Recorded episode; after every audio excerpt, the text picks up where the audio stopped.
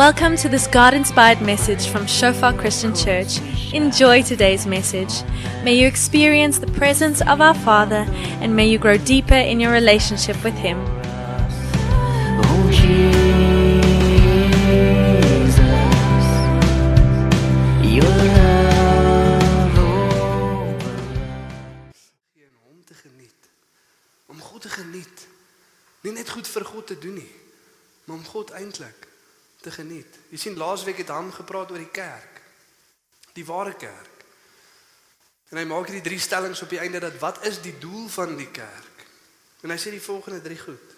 Die doel van die kerk is om God te bedien, om gelowiges te bedien en om die wêreld te bedien. Jy sien en as ons die kerk is, dan is daai ook ons doel. Amen. Ons is die kerk. En as daai die doel van die kerk is, dan is dit ons doel. Dis ons primêre doel op hierdie aarde om God te bedien, om gelowiges te bedien en om die wêreld te bedien. Jy sien in Prediker 5 dan skryf hy, skrywer van Prediker, want partykeer het ons so 'n wanpersepsie van dit. Ons dink as ons bymekaar kom as die kerk, dan is hierdie ons doel.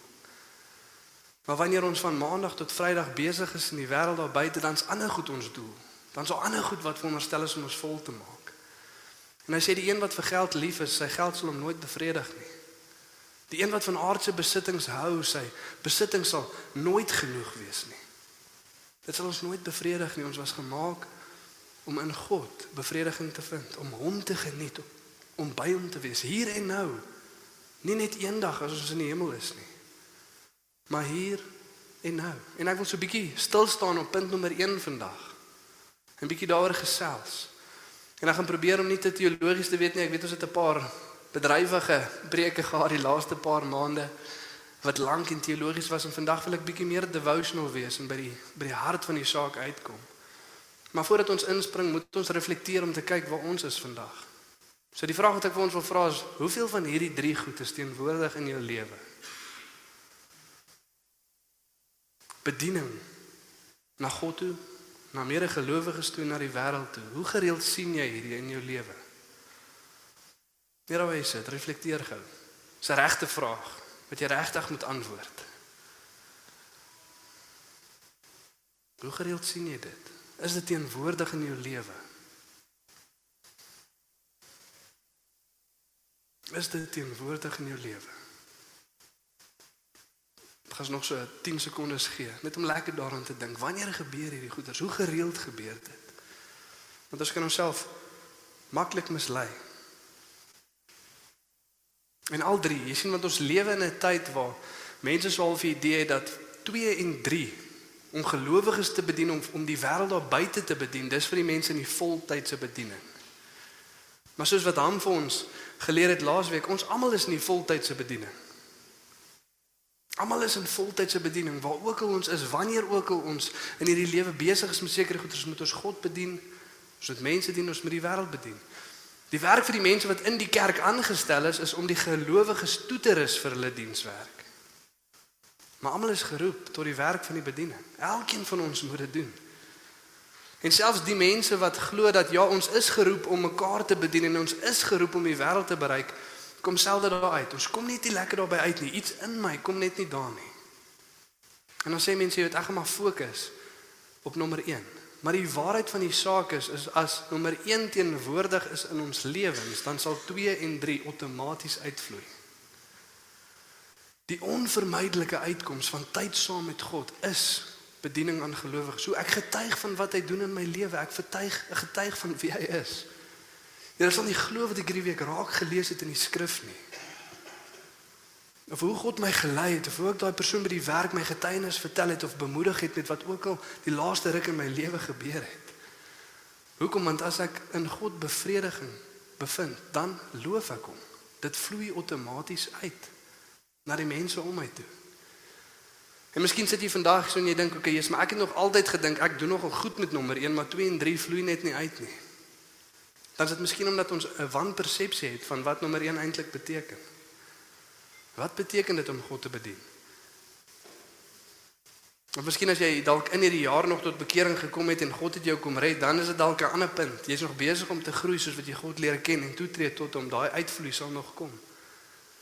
Maar as veronderstel om daar te wees. Jy sien party van die party van julle mag dalk ervaar, Jesus, ek dink ons het nou nogal 'n topic change gehad van die inleiding na hierdie stuk toe. Want ons het gepraat om God glorie te gee en hom te geniet. Nou praat ons om God te bedien. Is dit nie twee verskillende goed nie? Die een is of ek geniet hom, die ander een is ek doen goed vir hom. Nee. Wat beteken hierdie bediening tot God? Hoe lyk dit? Jy sien, baie keer is ons probleem dat ons het 'n mispersepsie wanneer dit kom by bediening vir die Here. Hoe lyk dit om God te bedien? Sien baie keer dink ons dis hierdie taakies wat ons vir God moet doen sodat hy taakies vir ons kan doen. Ons doen goed vir God en dan sal God goed vir ons doen. Maar dis nie wat dit beteken nie. Dit beteken om homself te geniet, om tot homself te nader, om sy teenwoordigheid te waardeer soos wat hy ons waardeer. En ons gaan deur 'n stuk skrif lees wat hierdie nogal mooi vir ons uitbeeld. En soos wat ons daar deurlees, is dit belangrik vir ons om die konteks te verstaan. Ons in Hebreërs 12 vers 18 tot 29. In die stuk skrif is die skrywer besig om mense te bemoedig om te volhard in die geloof. 'n Paar bemoediging wat hy gee. Jy kan dit ook sien as waarskuwing, maar dit is dalk beter om dit te sien as 'n 'n bemoediging. Volhard in die geloof. Moenie dat bitterheid insak nie. Lewe in vrede saam met medegelowiges. Lewe 'n toegewyde lewe sodat ons God eendag kan sien en in sy teenwoordigheid kan ingaan. Laat die plek in jou lewe wat lam is nie uit lid raak nie, maar laat dit weer gesond raak. Laat dit weer genees raak. Kom ons kyk na Jesus en kom ons fokus en kom ons volhard. Kom ons val nie weg van die geloof nie. Kom ons ontvang nie die genade van God te vergeefs nie. En kom ons wees nie soos Esau wat seksueel immoreel was en geestelike goed verafskeid nie. Hy het die wêreldse dinge meer begeer as geestelike goed. Hy het sy geboortereg verkoop vir 'n bakkie sop. En in lig van dit lees ons hierdie teks en dis ook een van daai stukke skrif waar as ons die sekere deel van die Ou Testament nie ken waartoe dit verwys nie, dan is dit bietjie intimiderend en ons verstaan dit verkeerd. Maar ons gaan vandag daarna kyk. So kom ons lees lekker saam en kyk wat ons kan leer. Hebreërs 12 vers 18 tot 29. Want jy het nie gekom by 'n tasbare berg nie en in 'n brandende vuur en 'n donkerheid en duisternis en storm en basyn geklank en die geluid van woorde waarby die hoorders gesmeek het dat hulle geen woord meer sou toegevoeg word nie. Want hulle kon die gebod nie verdra nie. Selfs as 'n dier die berg aanraak moet dit gestenig word of met 'n pyl neergeskiet word. En Moses so vreeslik was die gesig het gesê ek is verskrik en ek sidder. Maar julle het gekom by die berg Sion en die stad van die lewende God, die hemelse Jerusalem en 10000de engele by die feestelike vergadering en die gemeente van die eersgeborenes wat in die hemele opgeskryf is en by God, die regverdige regter van almal en by die geeste van die volmaakte regverdiges en by Jesus, die middelaar van 'n Nuwe Testament en die bloed van die besprinkeling wat van beter dinge spreek as Abel. Pas op dat julle hom wat spreek nie afwys nie. Want as julle want as hulle hom nie ontvlug het nie, wat hom afgewys het toe hy op aarde 'n goddelike waarskuwing gegee het, veel minder ons wat van hom af afkeer nou dat hy uit die hemele spreek. Toe het sy stem die aarde geskit Maar nou het hy beloof en gesê nog eenmaal laat ek nie alleen die aarde nie, maar ook die hemele bewe. En hierdie woord nog eenmaal wys duidelik op die verandering of wegval van die wankelbare dinge as geskaapte dinge sodat die onwankelbare kan bly, tydelik en ontydelik. Daarom omdat ons 'n onwankelbare koninkryk ontvang, laat ons daag dankbaar wees en so God welbehaaglik dien met eerbied en vrees want ons God is 'n verterende vuur. En daai laaste woord, laat ons God welbehaaglik dien, dit kan ook prys vertaal word. Worship or serve in die Engels. Maar laat ons God dien, laat ons God bedien oor hierdie ding wat ons hierso sien gebeur. En jy sien ons lees 'n stuk skrif soos dit en ons ken nie die konteks van die skrif nie en dit is vir ons vreesaanjaende stuk. En reg so. Vrees en bewering. Besop dat jy hom wat roep uit die hemel uit, hom wat praat, hom wat spreek, nie afwys nie. Want hulle kon nie ontvlug toe hy op aarde gewaarsku het nie, hoeveel te meer ons terwyl hy nou uit die hemel uitspreek. En ons sien die waarskuwing voor die tyd en ons sien die waarskuwing in die stuk skrif en dan sien ons okay, nou moet ons God dien met vrees en eerbied. En dadelik omdat ons nie die konteks ken nie, verval ons half in 'n werksgebaseerde evangelie en ons dink dit wat besig is om gesê te word is dat ons baie hard moet probeer. Wees versigtig. Dat jy nie spesifiek doen wat God vir jou sê nie, want dan gaan jy afvallig raak en dan gaan God kom soos 'n verterende vuur. En ons lees juis dit wat die boodskap nie sê nie in die boodskap in. Dit verduidelik nie vir ons dat ons ewe skielik harder moet probeer om God tevrede moet stel. Nee, dit verduidelik vir ons die hart van God. Dit verduidelik vir ons van 'n beter verbond wat Jesus Christus vir ons kom maak het.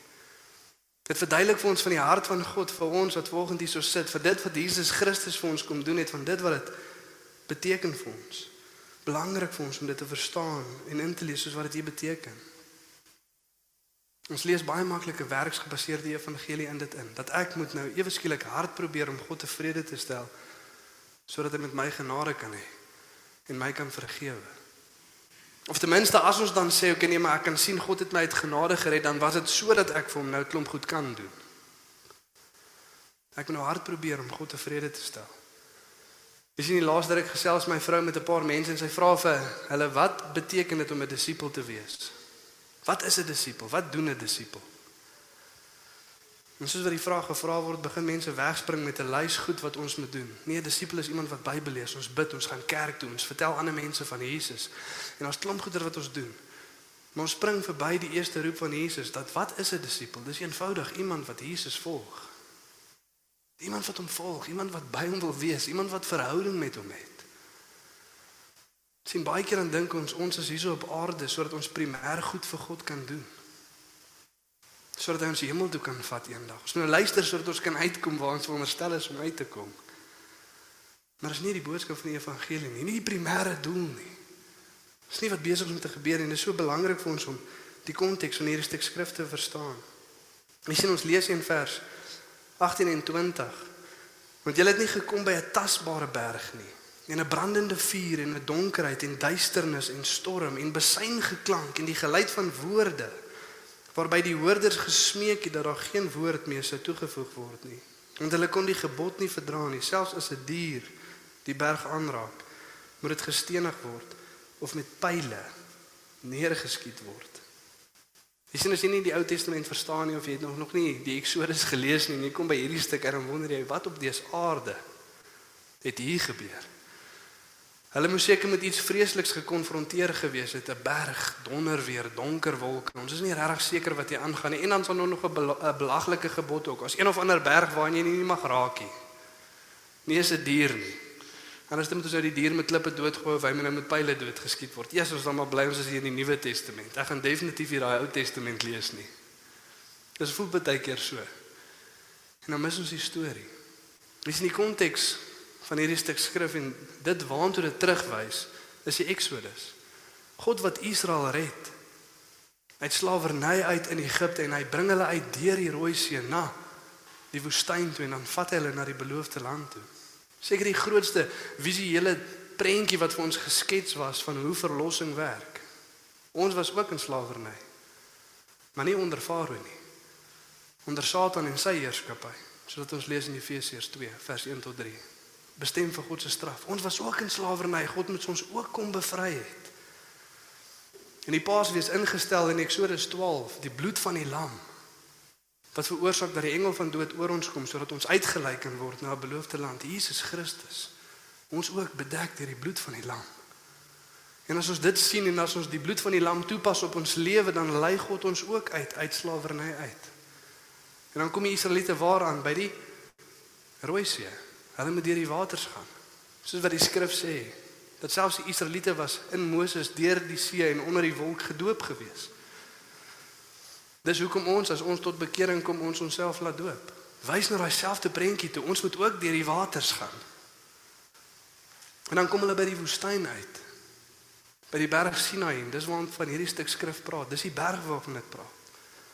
Waar God die 10 gebooie vir die mense gee. Ons 'n paar goeders wat gebeur. Hy sê nou moet julle my stem gehoorsaam en as julle nou aan my gehoorsaam is, dan sal daar seën op julle lewe rus en julle sal uitgelei word na die beloofde land.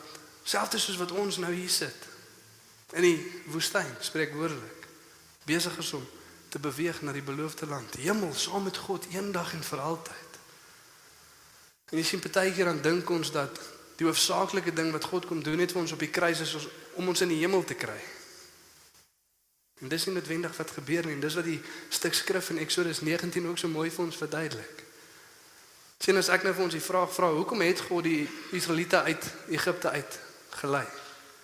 Dan is die antwoord wat meeste mense sal gee sodat hulle in die beloofde land kon kry. Nee. Sekondêr.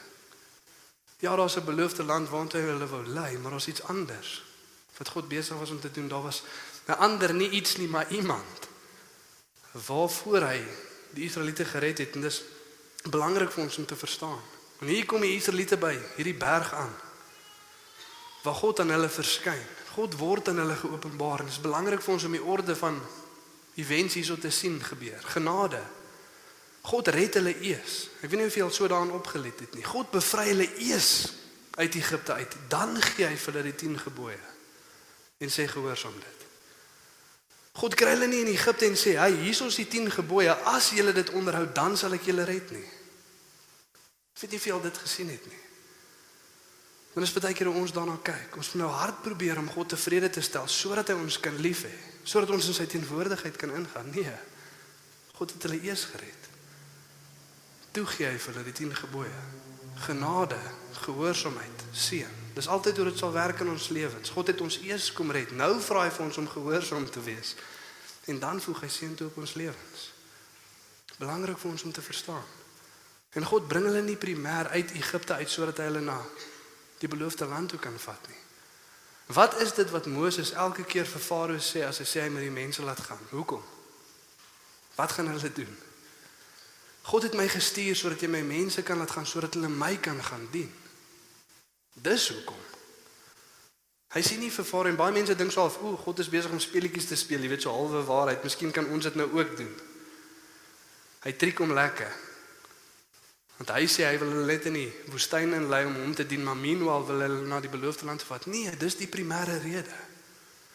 Elke liewe keer as Moses na Farao toe gaan en sê laat my mense gaan sodat hulle my kan dien. Dis hoekom. Die engel sê that they can worship me. Laat my mense gaan sodat hulle my kan dien. Ek lei hulle nie primêr na die beloofde land nie, maar ek red hulle vir myself. Sodat hulle my kan dien. Dis die primêre rede hoekom ons hier is op hierdie aarde om God te dien, om hom glorie te gee en in hom bevrediging te bevind, om hom te geniet. Belangrik vir ons om te verstaan. En soos wat God nou aan hulle verskyn in hierdie donker wolk, so wat julle lees, dis 'n vreesaanjaende ding wat hier besig is om te gebeur. 'n Donker wolk, weerlig, die aarde wat skud. En God kom in 'n donker wolk weer eens uit genade, want as hy sonder die die die dik wolk soos wat hy dit noem in Eksodus 19 aan hulle verskyn, dan gaan hulle dood. God moet homself bedek om aan sy mense te kan verskyn. Anders sterf hulle. Jesus Christus se bloed was nog nie uitgestort nie. Ons kan in die teenwoordigheid van God nie ingaan nie. Nie eens Moses nie. Hy kon nou wel by die berg opklim, maar as dit kom by God se glorie wat aan hom geopenbaar word, dan sê God vir hom gaan kruip weg in die skeur van die rots. En ek sê jy moet my hand toemaak as ek verbykom. Dat jy net my rug kan sien. Hy kon self nie volmaak in die teenwoordigheid van God aankom nie, maar hier verskyn God aan hulle. En hy gee vir hulle die 10 gebooie en baie keer dan dink ons dit wat hulle gedoen het, hulle het nie geluister na die 10 gebooie nie. Hulle het nie die wet van God geonderhou nie en dis hoekom God gesê het ook nee. Ek skuif julle een kant toe. En dan dink ons dis wat ons moet doen. Ons moet nou baie hard probeer om die wet van God te gehoorsaam, maar dis nie wat gebeur het nie. Dit was nie die uitnodiging nie. Ja, die 10 gebooie was gegee. Maar kyk wat was die uitnodiging wat God aan die mense gegee het. Eksodus 19 vers 4 tot 6. Julle het self gesien wat ek aan die, die Egiptenare gedoen het en dat ek julle op arensvlerke gedra het en julle na my toe gebring het. Ek het julle na my toe gebring. Sien soos wat hulle uitlei in die woestyn en na hierdie berg Sinai toe is hulle verder van die beloofde land af as wat hulle was toe hulle in Egipte was. Sodat God dit duidelik kan maak, die primêre doel is nie die beloofde land nie. Ek het julle na myself toe gebring. Ek het julle na myself toe gebring op arensvlerke. Wat beteken dit? Hulle het niks gedoen nie. Hulle het letterlik net gekyk en geloop. Maar God het die see oopgemaak. Hy het die Egiptenare teruggehou. Hy het hulle weer toegemaak in die see. God het die werk kom doen. Maar ek het julle na myself toe gebring. As julle dan nou, nadat ek julle gered het, terdee na my stem luister en my verbond hou, sal julle my eiendom met al die volke wees, want die hele aarde is myne. En julle sal vir my 'n koninkryk van priesters en 'n heilige nasie wees. Dit is die woorde wat jy aan die kinders van Israel moet spreek. God sê julle sal 'n koninkryk van priesters wees, nie 'n koninkryk met priesters nie. 'n Koninkryk van priesters. Heilige nasie. Maar as sien ons iets gebeur in Israel en hulle raak 'n koninkryk met priesters, nie 'n koninkryk van priesters nie. Daar's baie mense wat God bedien, daar's baie mense wat tot God se teenwoordigheid nader, daar's baie mense wat van God af hoor en dan sê hulle maar net vir Israel wat gebeur. Totdat Jesus kom. Weet een van die hartseers is verse seker vir my is in Eksodus 33 waar God kwaad is vir Israel. En dit sê Moses het die tent van ontmoeting daar waar hy met God ontmoet het buite kan die kamp gesit. En soos wat Moses na God toe beweeg het en hierdie wolk afgesak het op die tent. En Moses God se teenwoordigheid gaan aanvaar het, ervaar het. Het elke Israeliet by sy tent deurgestaan en net gesien hoe een persoon ervaar wat hulle nie kan nie. Hoe een persoon met God gaan praat, hoe een persoon met God tyd spandeer. Terwyl hulle wag vir Moses om terug te kom en te hoor wat het God gesê. Hoe was dit? Wat het jy ervaar? Wat sê God vir ons? Maar hulle self kan nie toetree nie. Maar hierso was die uitnodiging dat God wou hê die hele nasie moes toetree. Dis wat gebeur het in Eksodus 19. God het gesê gaan laat die volk hulle self eenkant sit. Laat hulle self reinig. En oor 3 dae gaan ek op die wolk, ag op die berg neersak, met teenwoordigheid gaan neerkom en die hele Israel gaan naderkom om te hoor hoe God praat, om God se teenwoordigheid te aanskou. Ek wil hê almal moet dit aanvaar. Ek wil ek wil daar wees vir elkeen van hulle. Ek wil hê elkeen moet my kan sien. My kan hoor. Maar kyk hoe reageer Israel. Vers 18 en 19. En toe die hele volk die donderslae en die blitse en die geluide van die bassein en die rokende berg bemerk, het die volk dit gesien en gebewe en op 'n afstand bly staan. En hulle het vir Moses gesê: "Spreek u met ons dat ons kan luister, maar laat God nie met ons spreek nie. Anders sterf ons. Dis waarvan daai stuk skrif praat. Hulle wat by die aanhoor gesê het laat geen meer woord toegevoeg word nie. Dis wel 'n vreesaanjaende ding en toe God verskyn en toe God begin praat, toe sê hulle nee, Moses praat jy eerder met ons, maar moenie laat God verder met ons praat nie. Nou nou sterf ons. En hoe baie doen ons dit nie vandag nie? Ek gaan nie self by God gaan hoor nie. Ek gaan nie self by sy voete gaan sit nie. Ek sal maar eerder hoor wat ander mense sê. Laat die priester, laat die pastoor, die dominee, die profeet of wie ook al laat hy eerder sê wat God vir ons sê, maar ons gaan nie by sy voete gaan sit nie. Ons gaan nie self hoor nie. Jy weet in half in, in Israel se geval verstaan ek dit. Ek kan dink dit was 'n vreesaanjaende ding en as ek die skrif reg lees is ek teen teen ook daarso en ek sê ook vir Moses asseblief praat jy eerder met ons. Want ons God is 'n verterende vuur, soos wat hierdie vuur op hierdie berg afsak, soos wat rook opgaan. En jy kan half dink soos wat hulle toetree tot God. Hoekom is dit so vreesaanjaende ding? Want God wil kom verteer alles wat onrein is, alles wat nie heilig is nie, elke liewe begeerte en ding wat ons bo hom sit, hy wil dit kom wegbrand. En dis ook die rede hoekom dit vir baie van ons so moeilik is om tot God toe te tree. Soos wat om Gerard van gepraat het, ons vrymoedigheid. Partykeer is ons vrymoedigheid nie daar nie oor goeie wat ons verkeerd doen. Partykeer is ons vrymoedigheid nie daar nie oor goeie wat ons verkeerd begeer. Ons verkeer ons ons ons begeer aardse goed bo God. Soos wat die skrywer van Hebreë sê, moenie soos Esau wees nie, moenie seksueel immoreel wees nie en moenie profane is die Engelse woord. Moenie geestelike goed verafskiet nie. Hy wat sy geboortereg verkoop het, onheilig vir 'n koppie sop, begeer tydelike aardse bevrediging bo God homself. Hoe gereeld is dit nie ons nie? Ek sal eerder daai movie aansit, ek sal eerder daai series kyk. Ek sal eerder slaap as wat ek nou by God se voete moet gaan sit en tyd saam met hom spandeer. En die rede daarvoor is want ons verstaan dit verkeerd. Ons dink ons moet nou gaan perform sodat God vir ons kan lief wees. Nee.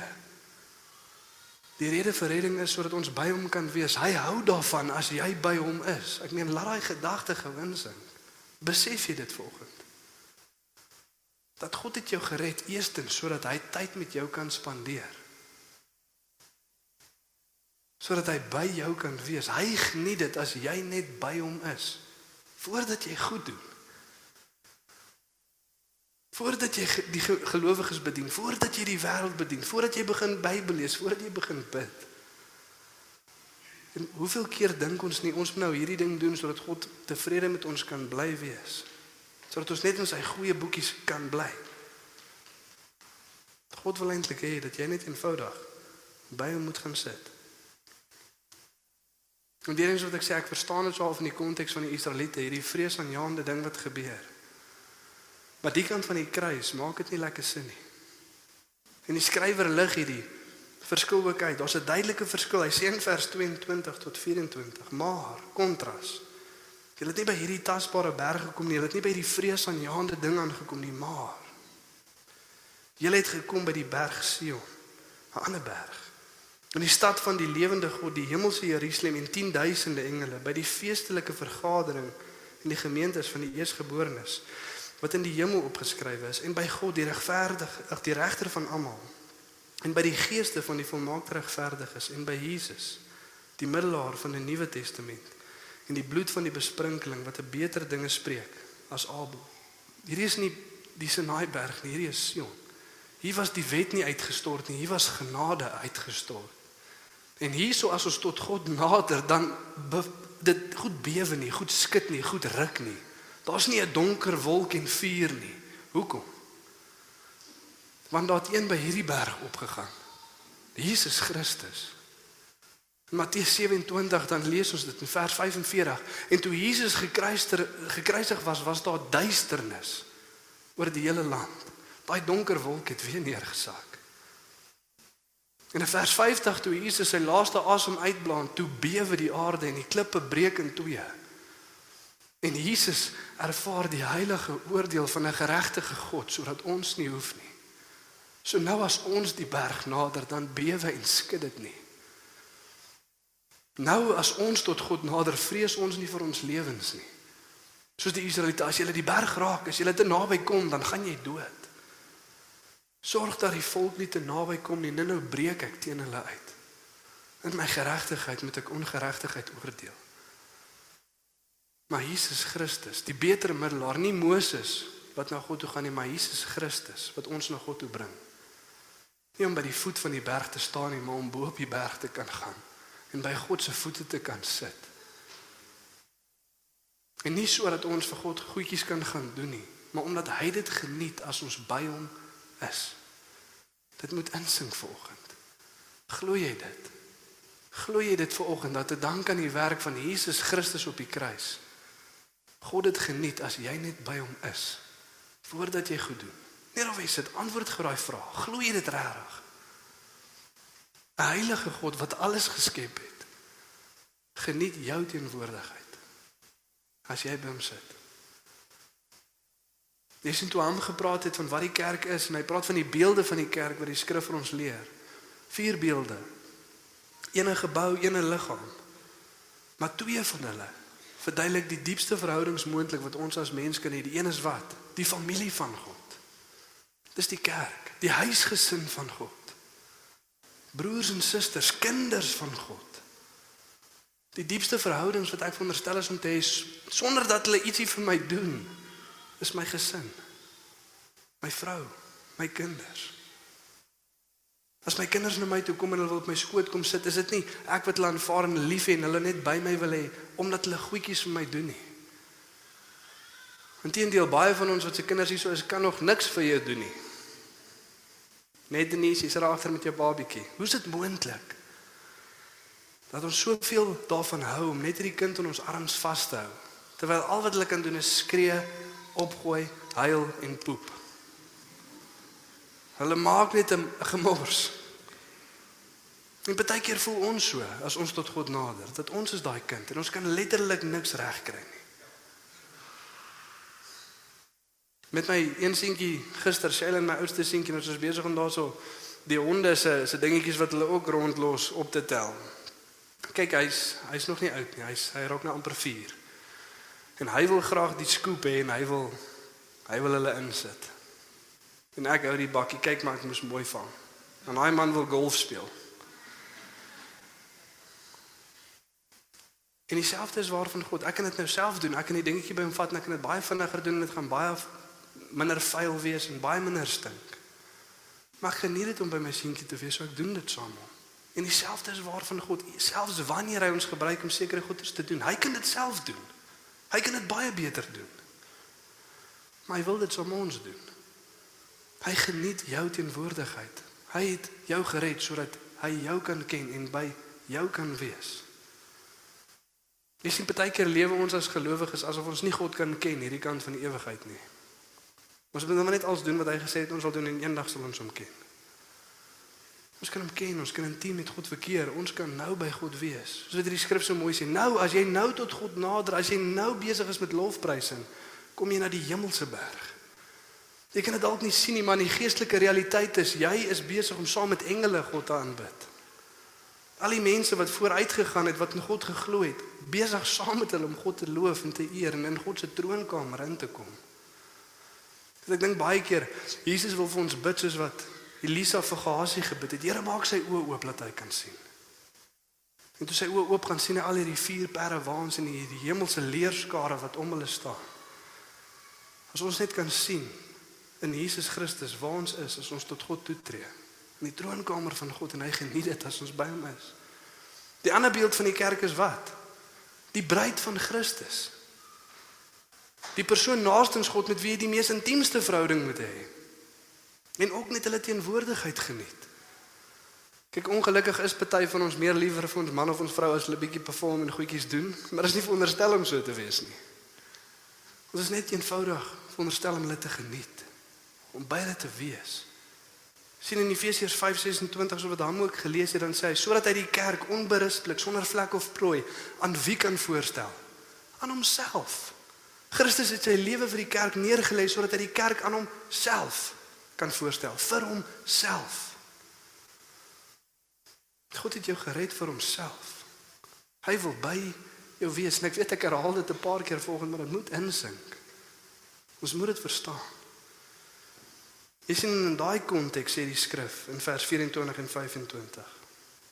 En by Jesus die middelaar van 'n Nuwe Testament en die bloed van die besprinkeling wat van beter dinge spreek as Abel, pas op dat jy hom wat spreek nie afwys nie.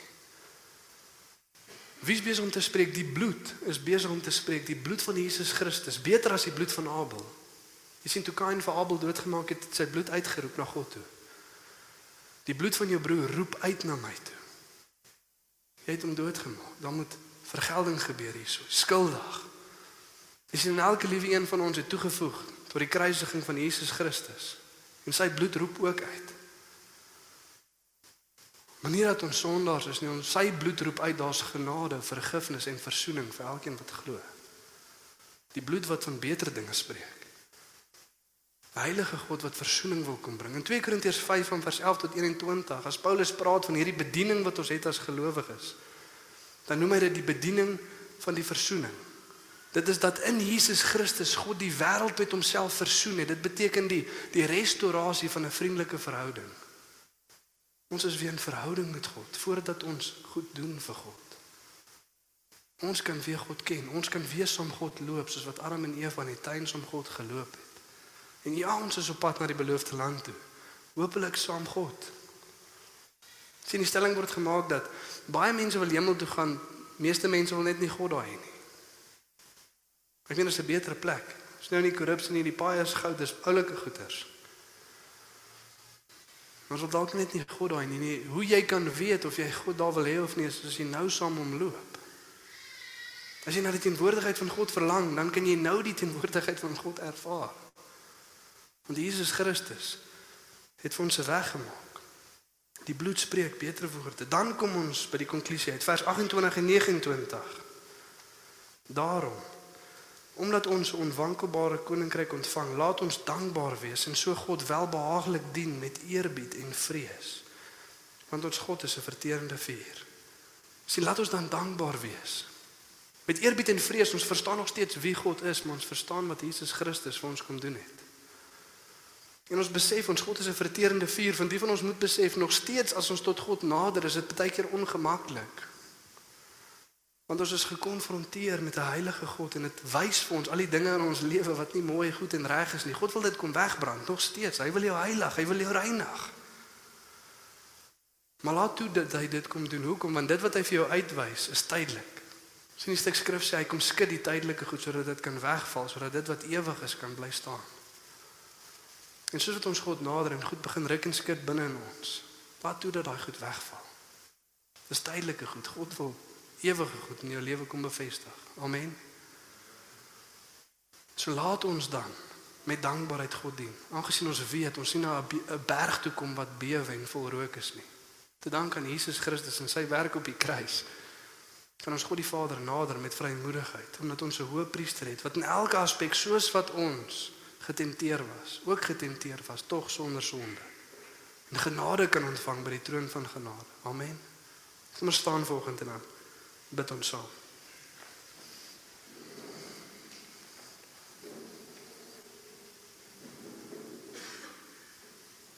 Nou Vader, dankie dat ons vanoggend voor U kan kom, Here. En vir ek kom dankie sê, Here, vir die werk wat U kom doen het aan die kruis. En ons kom bely, Vader, van die kere, Here, waar ons ons nie U wil nader nie, Here, want ons word bewus van die goed in ons lewe wat nie reg is nie, Here, wat uit plek uit is. Maar dankie dat ons vanoggend ook kan kom sê, Here, dat soos U is, o Vader, wil ons nie daai goed as Here voor U kom stel nie. Aardse goed, tydelike goed, tydelike bevrediging bo geestelike genot, Here, om U te geniet. En kom gee ons die genade, Here, om daai goed eenkant te skuif, Vader, sodat ons tot U nader, Here. Dankie Vader dat U vanoggend boksies afbreek, Vader. Slaafmentaliteit kom afbreek, Here. Dat ons baie keer so hard probeer, Vader, om vir U te wys dat ons goed genoeg is sodat U ons kan aanvaar, Here. En ek kom sê vanoggend, Here, dat U ons klaar in Jesus Christus aanvaar. As ons bely het, as ons geloof in hom geplaas het, Here. Dan getuig sy bloed van verlossing, vergifnis, verzoening. En ek kom bid, Here, soos wat ons tot U nader, Here, dat ons sal besef, Vader, dat ons nader nie tot U, Vader, om goedjies te kry nie, Here, maar om U te kry. As ons bid, Here, bid ons nie om goed by U te kry nie, Here, maar ons bid om nader aan U te wees. Ons wil nie hierdie mentaliteit hê, Here, dat om U te bedien beteken om goed vir U te doen sodat U goed vir ons kan doen, Here. Ons wil by U kom wees, Here, U teenwoordigheid ervaar. En ek kom bid vir oggend Here vir elke liewe persoon hierso Vader wat as ons praat van die teenwoordigheid van God, om God te geniet, om by God se voete te sit, om sy stem te hoor. Dan is dit 'n 'n konsep Here wat vir party van ons Here nie familier is nie, Here. Ons het dit nog nooit ervaar nie. Ons weet nie wat dit beteken nie. Ons weet nie hoe dit voel nie. En ek kom bid Vader dat ons vanoggend eerlik met onsself sal wees. Weet ons wat beteken dit om in die teenwoordigheid van God te wees? Het ons dit al ervaar? Om net eenvoudig God te geniet. Of is ons konstant besig om te kyk na aardse goed? En vir elkeen van dit Here wat dit 'n waarheid is vanoggend Here, kom bid ek dat hulle oë sal lig na U toe Here, geloof in U sal sit en sal draai na U toe Vader en weg sal draai van aardse goed. Ek kom bid vir die Here wat U al lank dien Here en U al lank volg Vader. Wat soos ek Here so gereeld Here wegbeweeg van daai plek om net eenvoudig by U te wees Vader. En so hard te probeer werk Here sodat U tevrede kan wees met dit wat ons na die tafel toe bring Here, dat dit ons uitput Here. Dit vloei nie natuurlik uit nie want ons is nie by by voete nie Vader. Ek kom bid vir elkeen van ons Vader, myself en Kleis Here, om terug te draai na U toe. Om op te hou met dooie werke. Eenvoudig om stil te kom raak by U voete Vader. Ek kom bid Here en kom breek U leen af Here dat ons te besig is om stil te raak by U. Die rede hoekom ons so besig is Here is want ons is nie stil by U nie. Hardloop ons rond en ons weet nie waar om te vat en waar om te los nie. En ek kom bid Vader vandag soos wat ons ons gaan sit met ons Bybels, Here, soos wat ons gaan sit in gebed, Vader, soos ons daai koppie tee of koffie maak, dat ons eers net sal sit. En daai koppie koffie of tee klaar drink, Here, voordat ons begin goedjies doen. En vir U kom vra, Here, om vir ons openbaring te kom gee van wat dit beteken, Here, om in U teenwoordigheid te wees, om U te geniet soos wat U ons geniet. Maar dankie, Here, dat U ons vir U self gered het. In Jesus naam. Amen.